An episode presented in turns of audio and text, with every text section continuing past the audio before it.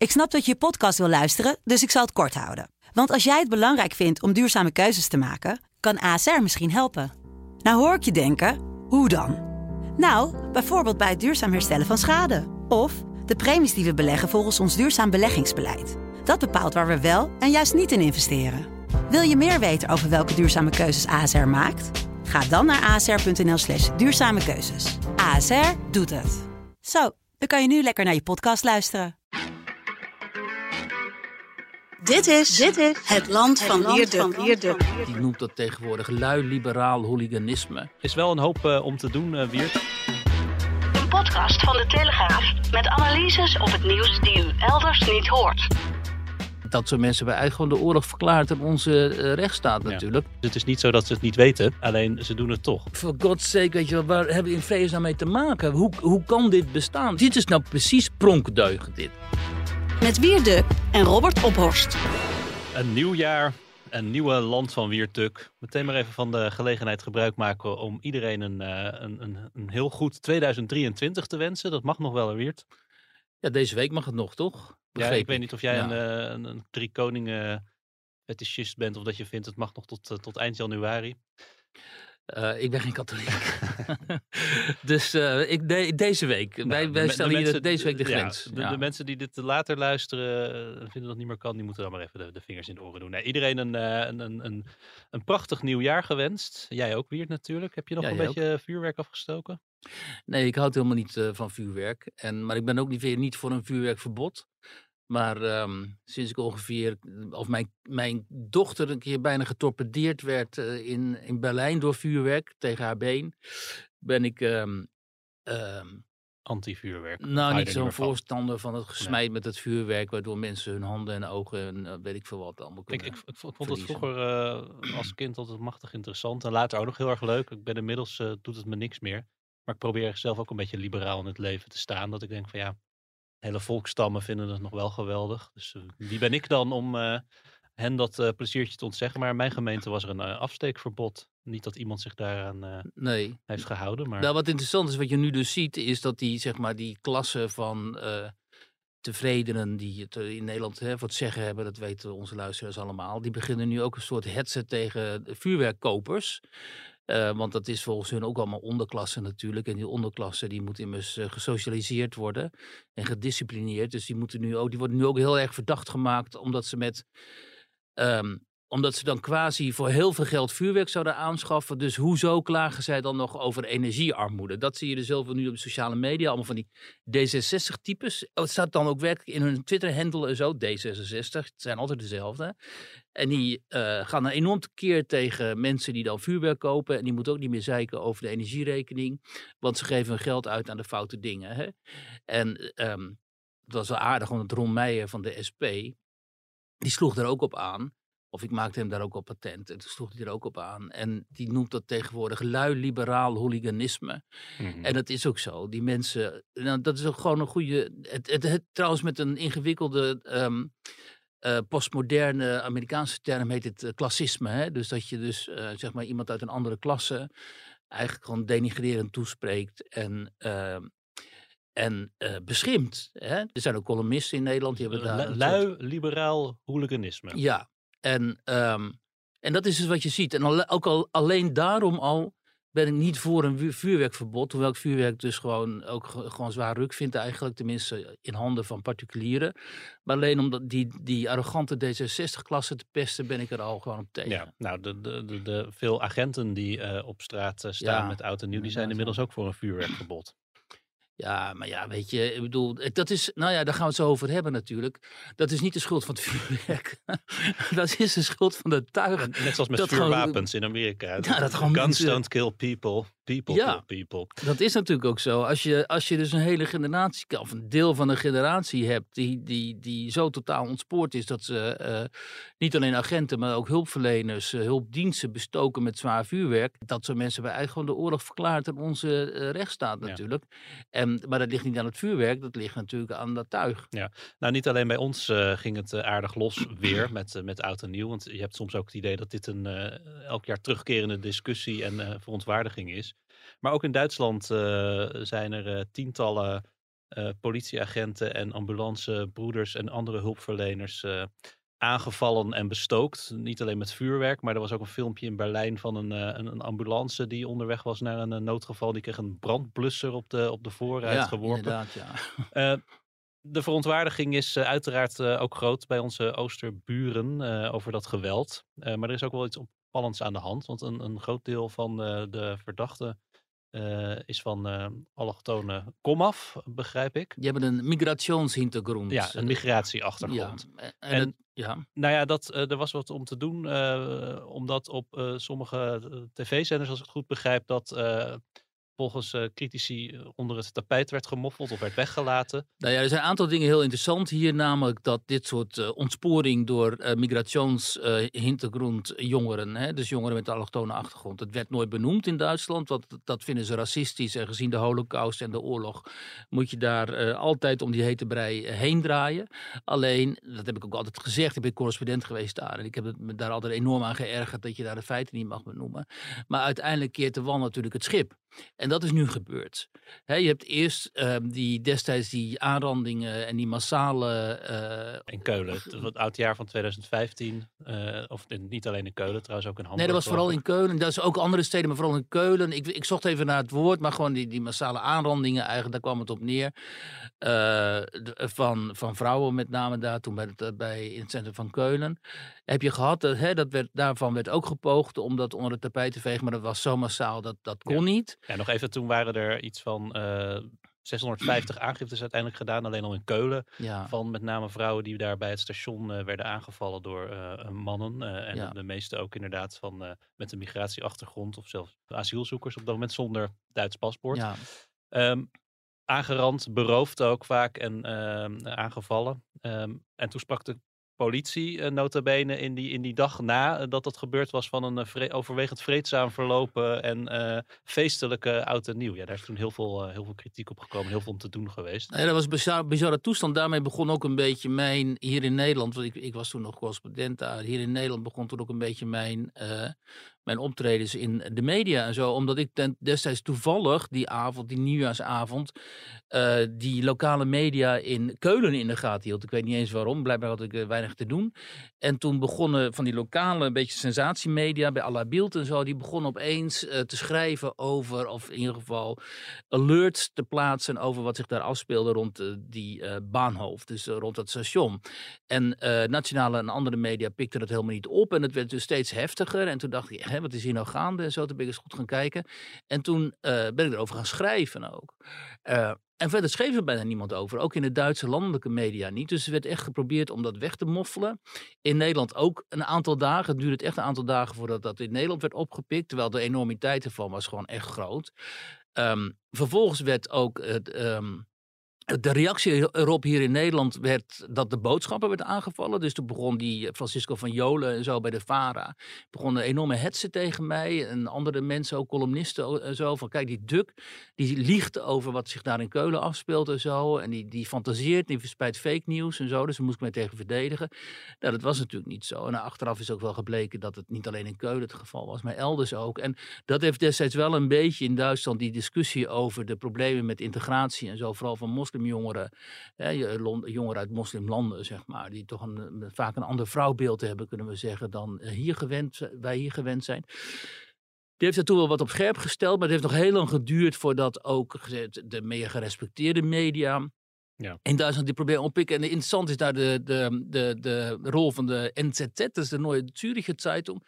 Het is dus geen Duitse krant, het is gewoon een rechtsliberale Zwitserse krant die ontzettend goed is. En juist ook Duitsland heel goed covert. En die is een rol gaan spelen in het mediadebat in Duitsland. Omdat voor Duitsland was, voor Nederlanders is het altijd heel prettig als wij, hè, voor Nederlandse media, als wij iets over Nederland, een schandaal zoals Prins Bernhard of zo, of uh, Den Uyl, weet ik veel wat. Er zijn van die schandalen geweest. Ja, Den Uyl geloof ik niet, nou, ik weet niet meer, Aantjes.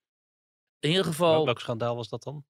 Aantjes was natuurlijk met de Waffen-SS. Ah, en ik weet niet meer of dat... een- Nou, maar, maar kijk, wacht even. Het is, ik moet, me- ik moet zelf hier niet voorbij praten. In ieder geval, sommige schandalen in Nederland zijn zo eh getaboeiseerd... dat het prettig is als ze worden opgepikt door het buitenland. Dat is destijds gebeurd met Prins Bernhard. Hè. Dat was meen ik de, de Stern of de Spiegel die dat oppikte. En zo ook met eh, Mark Rutte bijvoorbeeld... is door eh, Thomas Kirchner, de, de correspondent van de Süddeutsche Zeitung... Daar is heel hard over geschreven. Zo, hoe kan het in godsnaam zijn in het buurland Nederland dat iemand als Mark Rutte die zo gefaald heeft, die zoveel gelogen heeft, dat hij nog weer premier is kunnen worden. Hè? Dus met de blik van de buitenstaander ehm, wat je dan eh, gaat hè, wordt, wordt het publiek ook een bepaalde eh, inkijk geboden in hoe het ook kan, zeg maar. En dat gebeurde in Duitsland met die uh, Neue Zürcher Zeitung wel. Weet je waar dat ook mee gebeurd is? Nou, Met Zwarte Piet. eh, met, eh, ja, daar gaan we het niet over hebben. Dus een ander, ander, eh, Maar je ziet nu, zie je nu dan inderdaad een verschil met hoe er bericht wordt over Ja. die ongeregeldheden met oud en nieuw, afgelopen oud en nieuw en vergeleken hoe dat was dan, wat is het, zeven jaar geleden? Ja, ik denk het wel. Daar wilde ik naartoe. Omdat als het zeven jaar geleden nog echt wel, dan gebeurde het ook wel. Het benoemen van die feiten, maar dan werd het meer in een schandalensfeer getrokken. En nu is het toch meer zo dat je ook een jonge generatie journalisten, serieuze journalisten ook ziet van, die zeggen we kunnen Ja. hier niet meer omheen. We moeten dit benoemen, want er is heel duidelijk een probleem met integratie. En het wordt dan ook overgenomen door eh, politici. Ik zag zelfs de minister van Binnenlandse Zaken van Duitsland, die had ook zo'n tweet van, we moeten erkennen Ja. dat we echt een probleem hier met die Ik las vanochtend nog een, eh, een, een, een verontwaardigd stuk in de Beeld. Ehm, die de ARD, dat, dat- is een publieke zender, ervan betichtte dat ze bepaalde ehm, feiten had weggelaten in haar eh, verslag van die avond. Nou ja. ook, ook uitspraken van een brandweercommandant die dingen benoemde. Die waren dan uit de, uit de, uit de uitzending eh, op primetime geknipt. De publieke omroep daar is werkelijk ongelooflijk. Dat is nog veel erger dan hier. Daar hebben we ook een stukje van, zullen we zo meteen laten horen. Dan zie je dus een, ehm, een mevrouw in de studio die vraagt aan een correspondent in Berlijn: vertel nou eens, wie waren nou deze jongeren? Dan zie je die gozer, nou we gaan het horen, helemaal stotteren. Hij komt er totaal niet uit. Hij heeft het over groepenspezifische eh, processen en zo. Dus Polizeiangriffe auf die Feuerwehr. Wer, wer sind denn die Täter? Was weiß man denn dazu zur Stunde? Von den Tätern äh, zu sprechen ist in solchen Kontexten immer ein bisschen schwierig. Tatsächlich ist es so, dass ähm, die Gewerkschaft der Polizei sich äh, dazu bereits geäußert hat und gesagt hat, es seien gruppendynamische Prozesse, ähm, also ein gesamtgesellschaftlich großer Druck, der geherrscht hat, ähm, geherrscht haben soll, anlässlich jetzt nach zwei Jahren Pandemie und dass man da eben äh, versucht, ähm, ähm, genau, dass man eben an Pyrotechnik auch leicht rankommt und dass dort eben äh, das zu großen Problemen geführt habe. Richtig. Hij kan gewoon niet over zijn lippen krijgen van jongens, dit waren vooral jonge mannen met een migratieachtergrond en daar hebben we een probleem mee. Dat kan niet omdat hij het niet durft, omdat hij bang is om te stigmatiseren, omdat hij misschien zijn baan wel verliest, omdat hij nou ja, gewoon laf is. En dan zie je dus wat voor enorm wantrouwen dat kweekt bij het publiek. Omdat dat gaat natuurlijk viral op de sociale media. En dan zie je dus al die Duitsers zo van... For God's sake, weet je wel, waar hebben we hier God- in mee te maken? Hoe, hoe kan dit bestaan? Dit is onze publieke omroep. Daar betalen we heel veel geld voor. Hè? Want die publieke omroep in Duitsland die krijgt krankzinnig veel geld. En dan krijg je dit soort gewoon idioten die daar wat staan te stamelen... omdat ze de feiten niet durven te benoemen. Nou, dat is dus heel veelzeggend. En dat is echt een eh, taboe en een cordon dat eh, doorbroken moet worden, omdat ehm, het gewoon een feit is. Hè, dat al toen ik daar zat in Duitsland als correspondent, hele delen van sommige steden in handen zijn, eh, niet zozeer van dit soort eh, jongeren, maar gewoon van een. ehm, van de onderwereld. Dus van criminele bendes. En dat zijn dan vaak Libanezen of eh, Turken of eh, Arabieren, Syriërs. Noem maar op. Ehm, en dat heeft dus een hele ondermijnende invloed op de sociale structuur in, in die steden. En, als je dat, en, en deze jongeren zijn daar een beetje het voetvolk van, deels ook. En als je dat niet mag benoemen, ja, dan, dan zo'n liberale rechtsstaat als de Duitse is, ook zo'n open samenleving, net als wij, die, kan, die trekt dat natuurlijk op den duur helemaal niet. Dat zie je ook al in, in Nederland. Hè. We hadden vandaag zo'n stuk in de krant over eh, die wijk daar in eh, Den Haag. Ja. Hè, die is ook gewoon voor een deel overgenomen. Eskamp. Eskamp die is ook voor een deel overgenomen door criminele jongeren. En er steekt een jongen van 13, die steekt al eh, een, een Ja, een 15-jarige jongen is daar bijna doodgestoken en een, eh, een 13-jarige verdachte zit daarvoor vast. Moet je moet je voorstellen, dat, dat zijn dus Amerikaanse binnenstedentoestanden waar we dan mee te maken hebben. Hè? Nou, als we uit willen eindigen als Chicago, waar elk weekend, meen ik, eh, een groot aantal mensen wordt doodgeschoten, dan eh, moeten we eh, vooral zo doorgaan. En in Duitsland speelt dit eh, net zo en op nog grotere schaal, want Duitsland is nu eenmaal groter, heeft grotere steden. Dus ja, als je weigert om die feiten onder ogen te zien, wat nog heel veel mensen weigeren. Hè. Is echt ongelooflijk als je reacties ook ziet. Zoveel mensen weigeren nog om te erkennen dat dit echt een groot probleem is. Ja, dan, dan als je blijft wegkijken, dan eh, eindig je als eh, de Verenigde Staten, vrees ik. Overigens wordt hier vaak gezegd dat mensen, Nederlanders, eh, zwaar illegaal vuurwerk uit Duitsland halen om Ja. het hier af te steken. En in Duitsland halen ze het weer uit Polen, Oh ja. omdat het daar nog zwaarder En de is. Polen uit Oekraïne tegenwoordig. Ja, nou, misschien wel, ja. Erik en Annemarie krijgen morgen de sleutel. Omar en Samira niet. Zo luidt eh, een van de teksten van een nieuwe campagne van de Rijksoverheid tegen woondiscriminatie. Ook brancheorganisaties als de NVM en de VNG werken eraan mee. Onder de noemer Wijs discriminatie de deur. Iedereen verdient een eerlijke kans op een woning is die eh, campagne afgelopen november gelanceerd. Want ongeacht afkomst, seksuele gerichtheid of geloof moet iedereen gewoon een, eh, aan een huis kunnen komen in Nederland. Is wel een hoop eh, om te doen, eh, Wiert. Om eh, met name die tekst van Erik en Annemarie, die ging viraal op sociale media. Er zijn nog wel meer teksten eh, in die campagne, zoals Irene en Hans slapen dinsdag in een nieuwe woning. Mikolai en Katsarina niet. Of, Dat zijn er weer nieuwe namen. hè? Die komen uit Oekraïne namen. of Femke, dat jij op vrouwen valt, mag er voor de huurbaas niet toe doen. Oh man, echt. Ja, nou ja, dat is natuurlijk verschrikkelijk. Omdat deze campagne gewoon in alles fout is. Ten eerste alleen al het feit dat zo'n campagne gewoon helemaal niks gaat veranderen natuurlijk. Dit gaat er om eh, discriminatie op de eh, particuliere woningmarkt, eh, begrijp ik. Hè? Ehm, en wat het ehm, ministerie dan hiermee doet vooral, is natuurlijk polariseren. Want hier wordt de suggestie gewekt dat als jij een buitenlands aandoende naam hebt, dat je geen huurcontract krijgt. Terwijl Mhm. Erik en Annemarie dat dus eh, wel krijgen. En eh, als je daar. Hè, en dit is zo fout, omdat het is ook zo. Natuurlijk is er discriminatie op de arbeidsmarkt, op de woningmarkt, ongetwijfeld ook. Alleen als je dat op deze manier gaat aandikken en aanzetten, dan krijg je natuurlijk allemaal mensen over je heen. Dat zie je ook die, wat er gebeurt. Die zeggen: luister eens, ehm, eh, mijn kind wacht al twaalf jaar op een sociale huurwoning, waar deze campagne niet over gaat, maar weten de mensen veel. En die statushouders die nog maar net in Ter Apel eh, zijn gearriveerd, bij wijze van spreken, hè, zoals die mensen dat dan uitdrukken, die, krijgen, die stromen onmiddellijk door naar een eh, sociale huurwoning. Te meer omdat Hugo de Jonge notabene eh zelf heeft gezegd dat die gemeentes wat moeten opschieten met het uitdelen van sociale huurwoningen aan statushouders. Dus heel veel eh autochtone Nederlanders die geen kans maken op de huizenmarkt, en al helemaal niet op die particuliere huizenmarkt trouwens, want die is veel te duur, die voelen zich hier natuurlijk enorm door eh, geschoffeerd. Ja, een, Eh, een soort trap na. Is nou is het wel goed na. om te vermelden dat eh, deze campagne mede is gelanceerd naar aanleiding van een, de, de jaarlijkse monitor discriminatie op de woningmarkt. Het Verwij Jonker Instituut heeft onderzoek gedaan en ze hebben, Jonker Instituut, hè, maar goed. ja, ze hebben dus ehm, eh, inderdaad bij woningsite Pararius gereageerd op zo'n 3000 huuradvertenties met verschillende namen. Dus een Marokkaanse eh, naam en een Nederlandse naam en dat met elkaar vergeleken.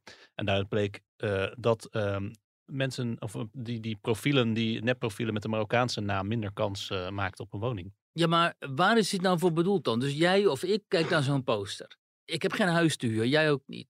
Dus ga je dan denken, oh, weet je... ehm, Het is bedoeld voor bemiddelaars dit en is verhuurders en, en, en woningzoekenden. Nou, we hebben volgens mij een verbod in Nederland op discriminatie, toch? Hè?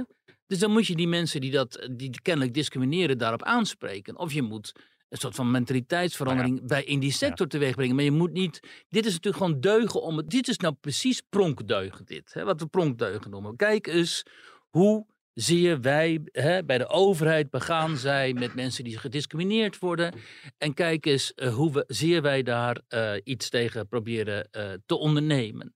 Ehm, Terwijl zo'n campagne natuurlijk helemaal geen eh, effect gaat hebben. Wat ook heel erg kwalijk is, is dat de suggestie hier wordt gewekt dat eh, buitenlanders allemaal onderling trouwen. Hè? Dus Oekraïners met Oekraïners en Marokkanen met Marokkanen en autochtone Nederlanders met autochtone Nederlanders. Wat voor een deel wel het geval is. Vooral eh, moslims trouwen niet met niet-moslims, want dat is allemaal vreselijk ingewikkeld. Dan moeten die niet-moslims zich bekeren en zo. Nou, dat is een heel gedoe. Dus Turken en Marokkanen die trouwen liever onderling. Maar ondertussen zijn er gewoon bijvoorbeeld heel veel Surinamers en Antillianen. Die zijn gewoon met eh, blanke Nederlanders getrouwd. Dat is al eh, heel lang het eh, geval. Dus waarom zit je dan niet Ja. op die poster ook, weet ik veel, een Surinaamse man met een blanke Nederlandse vrouw? Of worden die dan ook gediscrimineerd omdat die man toevallig zwart is? Wat wel aardig is, je zegt van, de, willen ze hier dan bewustwording mee creëren? Nou, dat lijkt wel de bedoeling als je die campagne bekijkt. Maar uit dat onderzoek blijkt, ze hebben ook mystery calls uitgevoerd.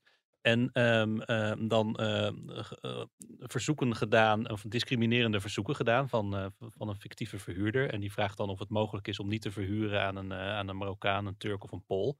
En uit het onderzoek bleek dat vier op de vijf verhuurbemiddelaars daar dan meteen bereidheid eh, toetoont om daaraan mee te werken. Maar ook zelf wel aangeeft dat het eigenlijk discriminerend is. Dus het is niet zo dat ze het niet weten, alleen ze doen het toch.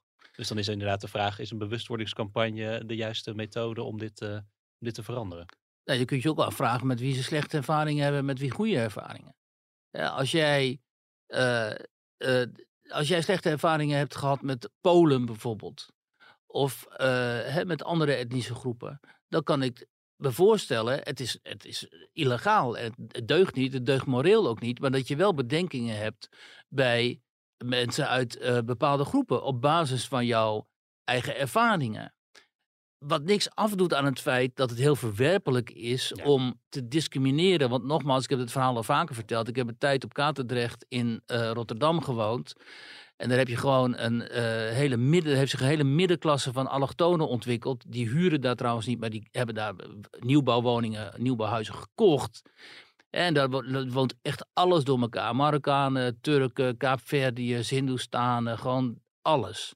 Hebben altijd allemaal keurige mensen keurige gezinnen, kinderen gaan naar school, de kinderen spelen met elkaar, zitten bij elkaar op school. Dat is gewoon een nieuwe middenklasse. En het interessante is notabene, dat is dus een allochtone middenklasse die daar voor een heel groot deel die nieuwbouwhuizen heeft gekocht, terwijl de blanke onderklasse die daar al op Katendrecht natuurlijk altijd zat, die huren daar. En die kijken met een zeker wantrouwen en ook wel met jaloezie natuurlijk naar die allochtone middenklasse die zich daar gevestigd heeft, hè, met twee banen en vaak twee auto's en zo. En die denken, hier is iets misgegaan in onze sociale stijging. Ehm, de, dat, is, dat zijn eigenlijk de ontwikkelingen in die grote steden in Nederland voor een deel.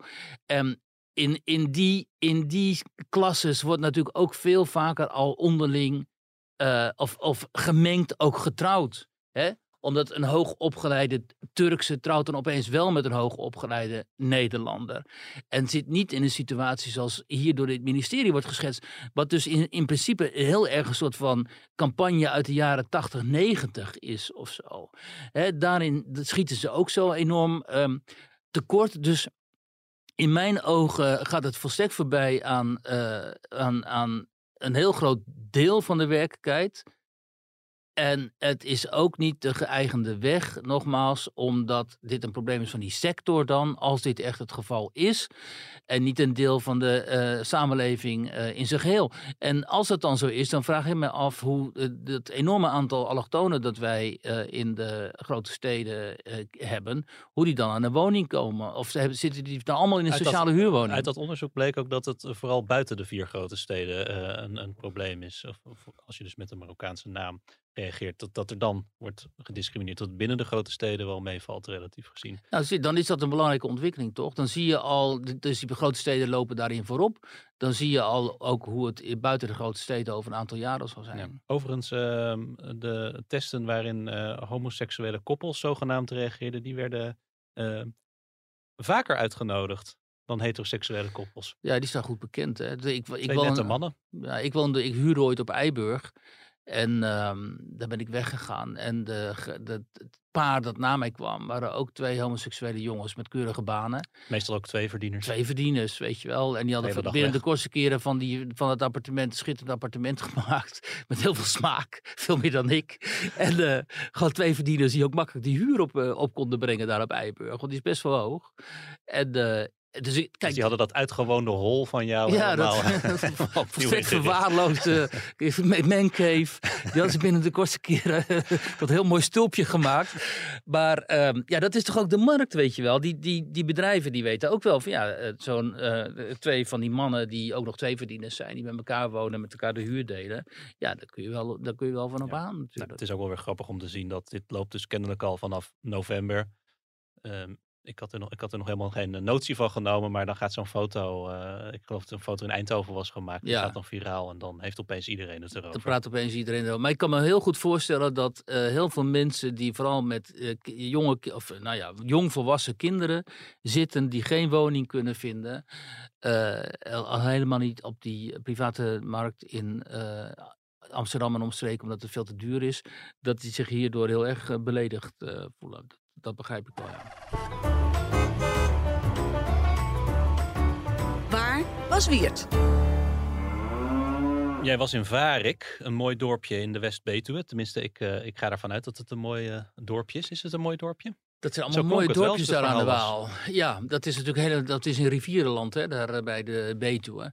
Ik, kan altijd, ik weet het nooit precies. Ik ben daar niet opgegroeid. Dus voor mij is het altijd heel moeilijk, weet je wel. Ik kan Friesland, Groningen, Zeeland en zo. En dat kan ik allemaal goed inschatten. D- dit ligt daar, dat ligt daar. En dan moet ik opeens naar Varik, Heeselt. En dan denk ik, waar is dat in vredesnaam? Dan moet je toch Siri erbij roepen. Siri, Ja, waar ligt Varik ja. Heeselt? Ja, en dat is, ik weet niet of je dat herkent, maar god, ik rij eh, heel Zeeland. Het is ook de Achterhoek. En Gel- ik, Hmm. ik herken dat allemaal wel of zo. Ik weet, nou oké, Enschede. eh, eh. Dus topografisch snap ik dat allemaal. Maar juist een beetje de provincie Utrecht en ook zo hier Gelderland, Brabant en zo. Daar, schi- daar schiet mijn topografische kennis tekort. En ik kan het ook niet goed eh, contextualiseren of zo. Wat ik bedoel je daarmee? nou, dat ik niet precies begrijp hoe ver ik ook van bepaalde steden Ja, af ben ja. en zo. Snap je? Van dan denk je, waar is. Oh, Nijmegen is veel dichterbij dan ik dacht. Weet je Mhm. wel? En dat is alleen nog maar in Nederland. Hè? Terwijl als ik in Friesland ben bijvoorbeeld, weet ik precies hoe ver Leeuwarden is of in Groningen. Hè? Dus dat hangt er heel erg sterk van af waar je bent opgegroeid, eh, eh, kennelijk. Maar. ehm, het is daar schitterend natuurlijk, want dat is het rivierenland. Dus je hebt daar, hè, wat Marsman zegt, die eh, trage rivieren die oneindig door het laagland gaan. Nou, die heb je daar. Ja. Hè, met van die schitterende binnenvaartschepen en zo aan de Waal. Ehm, maar ehm, ik was daar omdat in het kader van het eh, Rijks eh, hoogwaterbeschermingsprogramma daar de dijken opgehoogd en verstevigd gaan, Ja, gaan het is de, worden. de, de, de grootste dijkversterkingsoperatie sinds de Deltawerken, zo wordt het in ieder geval genoemd. Ja, moet je je Ehm, voorstellen. in, in 30 jaar, komende 30 jaar tijd wordt in heel Nederland eh, 1500 kilometer aan dijken en 400 sluizen en gemalen eh, versterkt. ja. Nou, dat, dat is nogal een En operatie. dat is gebeurd. Hè. Je hebt ooit het ruimte voor de rivierenproject gehad. Hè. Dat gebeurde de- destijds, meen ik, naar aanleiding van dat hoogwater toen in de jaren negentig. Weet je nog? Toen heel veel Mhm. mensen geëvacueerd dreigden te moeten worden. En uiteindelijk viel het wel mee. Maar het- toen dreigde een, een ramp. Toen is besloten, oké, moeten die rivieren meer ruimte geven. En nu, eh, eh, op, eh, volgend daarop, hebben ze dus dit, ehm, Ja. dit programma bedacht. Jij wat op zichzelf natuurlijk heel Ja. erg nuttig en belangrijk Dat is, lijkt mij ook. Je Ja. was daar bij mensen die wonen aan die dijk, die versterkt moet worden. Je zou zeggen, die zijn blij dat er eh, werk van wordt gemaakt eh, van de bescherming tegen het water. Ja, maar dit is Nederland. Hè? Dus mensen hebben altijd wat te klagen. En dat vind ik ook wel weer heel grappig, moet ik zeggen. Dan heb je dus daar een comité, of nou ja, je mag ze geen actiecomité noemen, maar een bewonersinitiatief van mensen die hebben zich eh, verdiept in hoe, hoe verstevig je nou die dijken. En die komen tot de conclusie, dit kan heel anders. Heb je dus het waterschap, eh, allemaal ingenieurs van Delft, weet ik veel wat zo. Die zeggen, nou, het moet zo, hè, dat is het beste.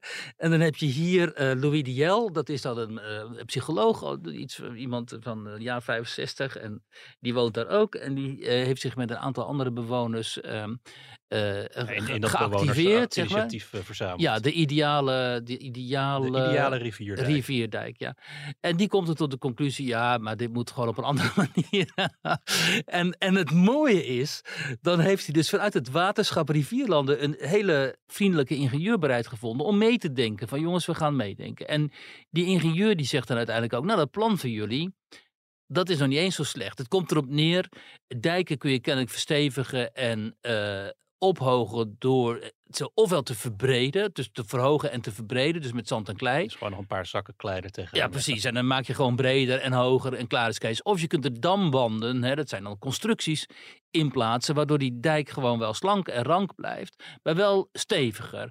Nou, op een het gedeelte van die route daar, van, Ja, en aan de Waal. De, de eerste methode is dus de methode die volgens dat programma eh, gebruikt gaat worden. En die Ja. tweede van met die damwanden, dat is eigenlijk wat die bewoners Wat, wat, wat ze willen. En ze zeggen ook, want dat gebeurt ook op een deel van het traject. Dat is ook zo, dat gebeurt, gebeurt op een deel van dat traject. Waar het eigenlijk op een andere manier niet kan. Omdat er is te veel bebouwing. Daar is te veel. Als je daar dus die, die dijken zou gaan verbreden. Dan moet je te veel eh, natuur verstoren. Of gewoon bebouwing verwoesten. Ja, dus gaan er, slopen. er worden en ook zo. wat huizen. Want dat wilde ik vragen van ja, het is leuk als je het beter weet, maar wat maakt het uit? Nou ja, precies. Kijk, dat gaat natuurlijk om. ehm, eh, deze mensen willen dat er niet zoveel bomenkamp plaatsvindt, want dat moet wel eh, gebeuren.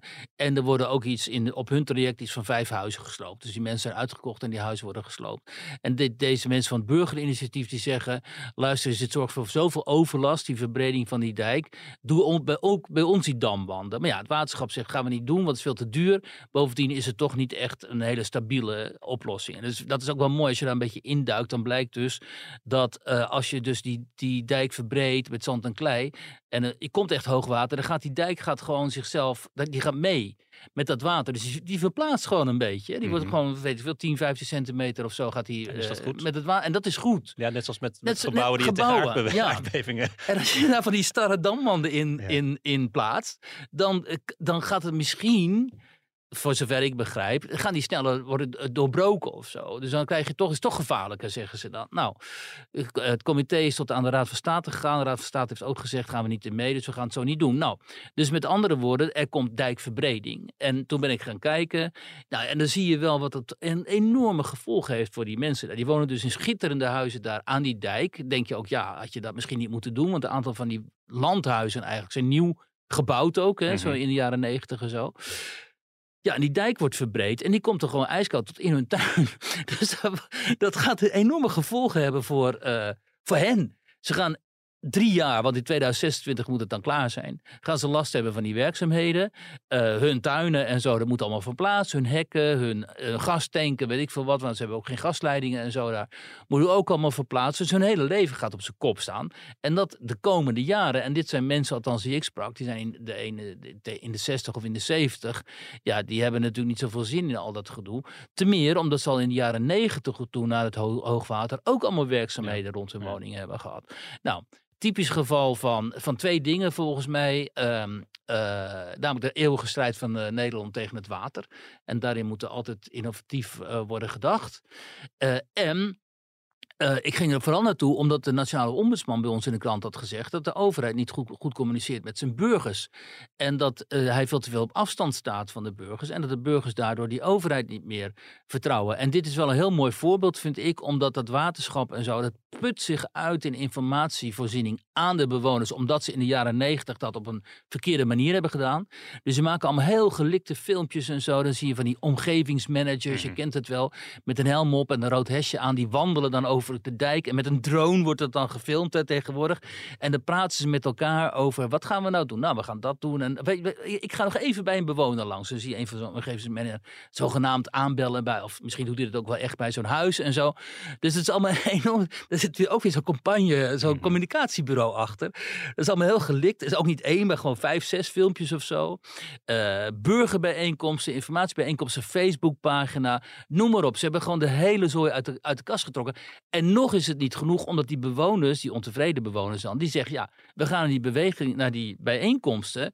En dan is het de drie I's van de communicatie, namelijk eh, inform, de invite, inform, ignore. Dus nodig de mensen uit, informeer ze en vervolgens negeer hun bezwaren. Dat, en dat is natuurlijk ook vaak zo, want die overheid denkt gewoon het altijd beter te weten natuurlijk. En dat is, dat is wel mooi. Dan zie je dus die pogingen van die overheid, eh, over, of die overheidslichamen eigenlijk, om het goed te doen in de communicatie. En uiteindelijk falen ze toch, omdat die burgers vinden, ja, maar we krijgen toch niet voldoende inspraak. Maar je kunt natuurlijk ook niet iedere burger inspraak geven. Want ze, ik bedoel, dit, pla- dit project moet gewoon worden uitgevoerd. Nou ja, een schitterend dilemma lijkt mij.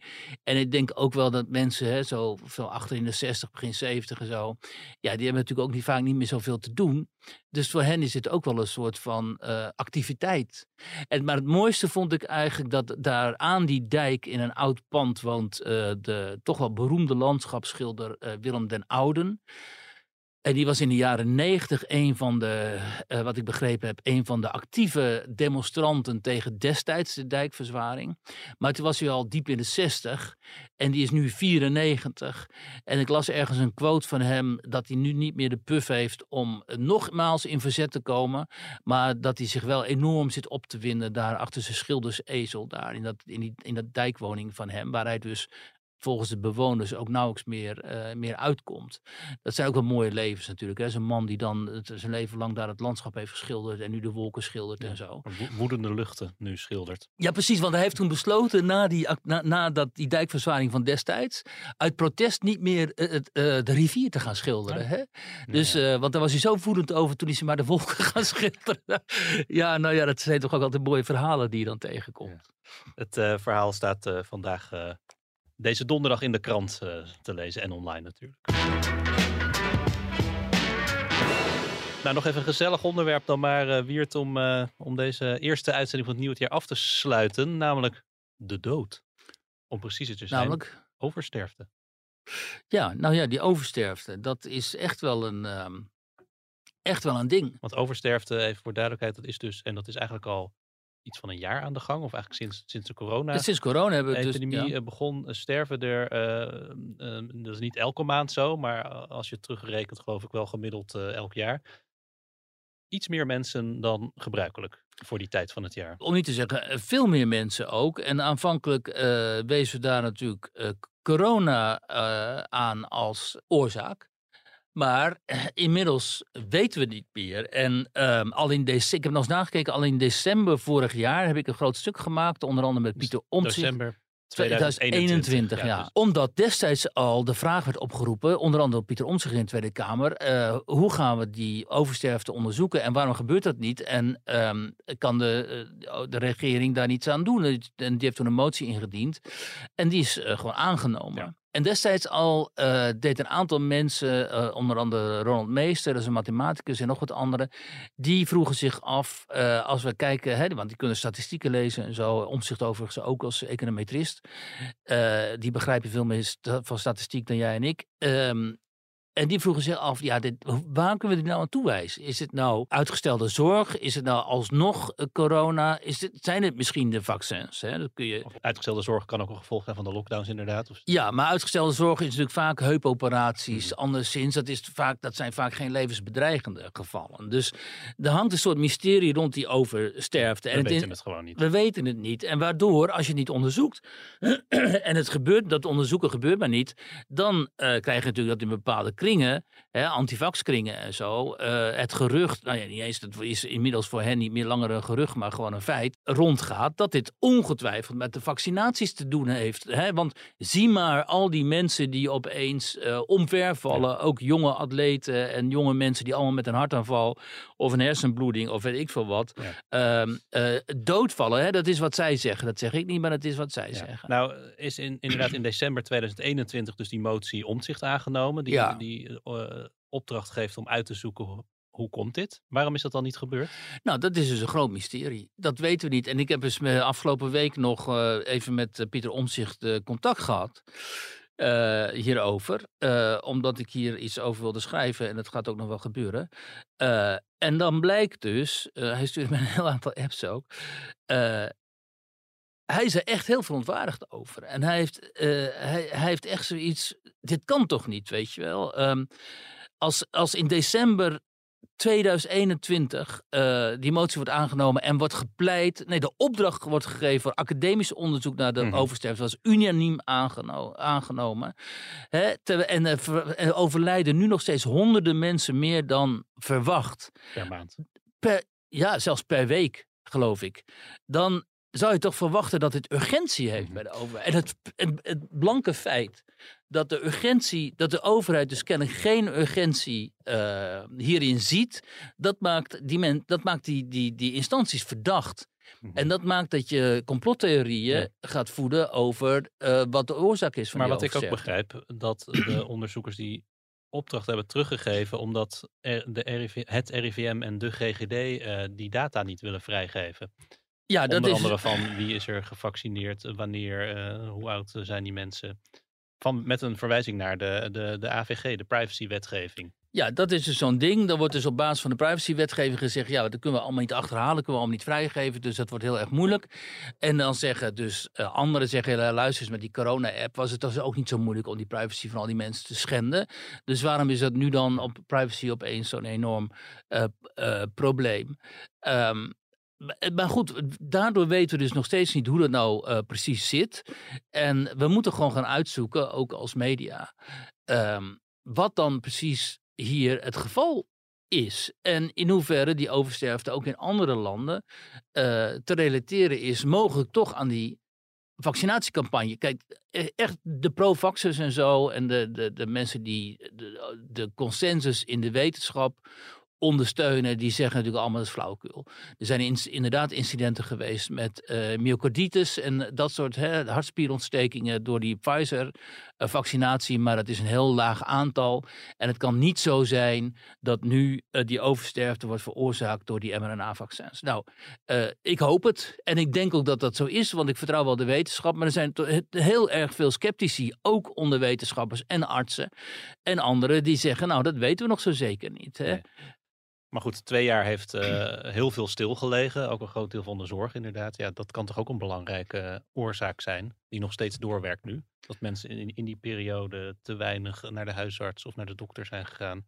Ja. Met klachten. Kan allemaal, maar, eh, dat, eh, maar het zou fijn zijn als we dat zeker wisten. Als we zeker konden zeggen, oké, dit heeft hiermee te maken.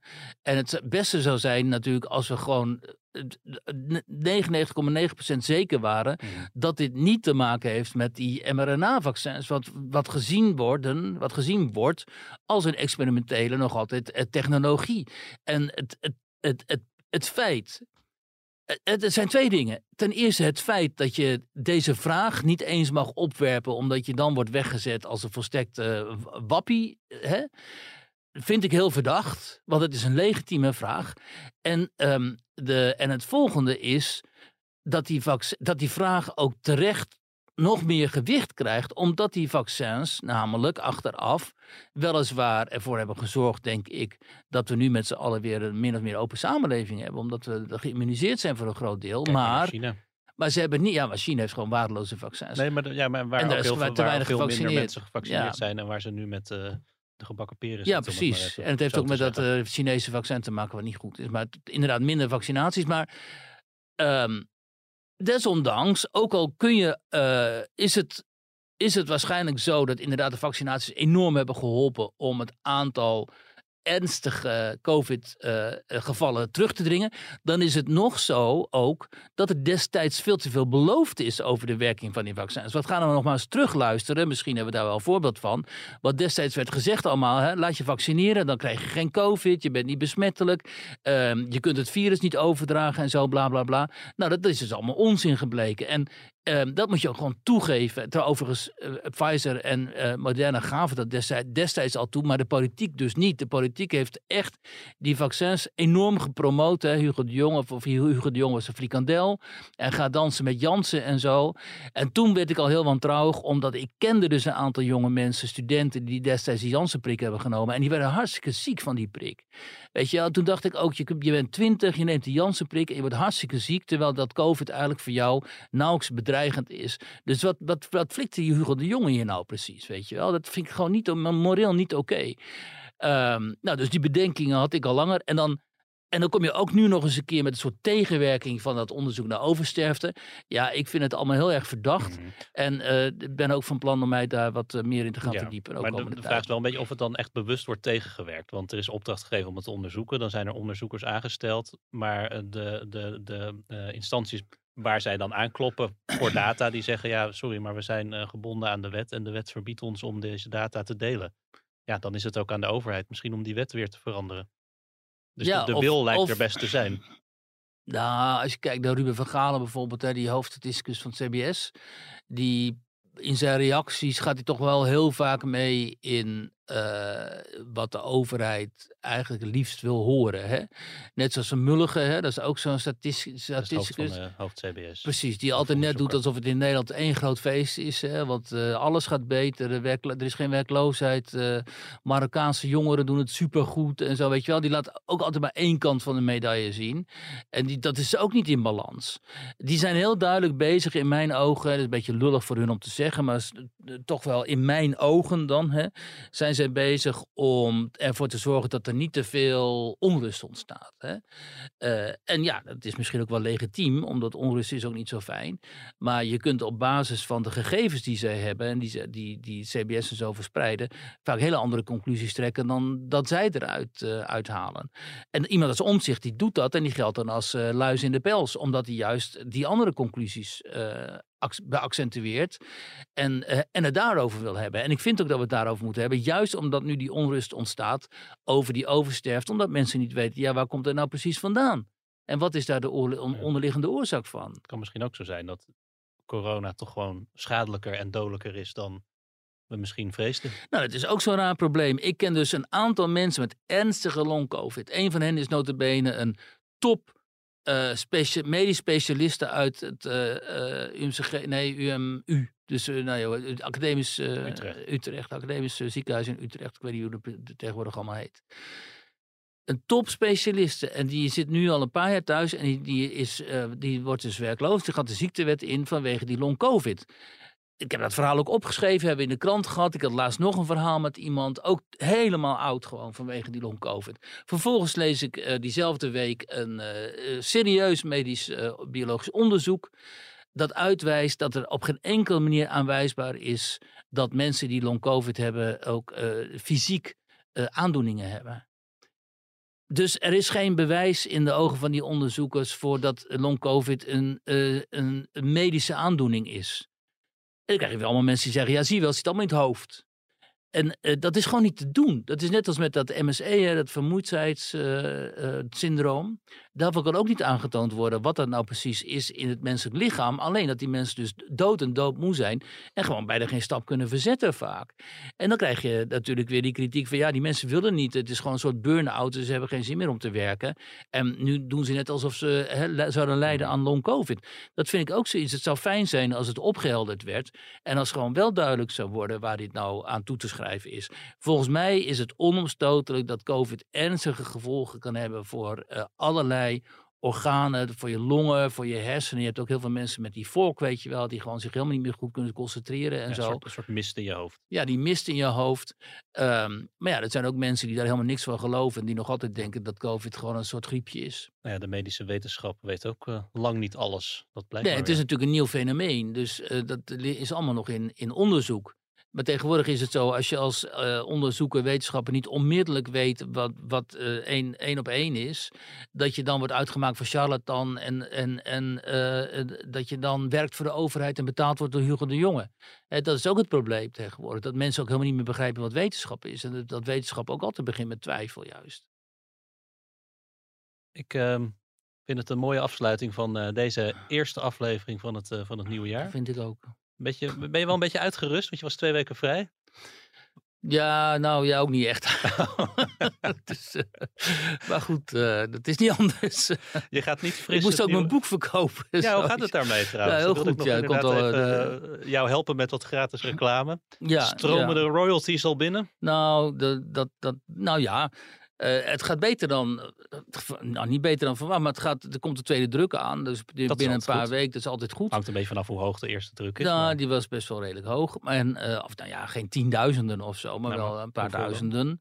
En, eh, dus, eh, en een boek dat in een paar weken toch wel een aantal duizenden verkocht, verkoopt in Nederland. Dat zijn best wel, die, dan doe je het best wel goed. Ja.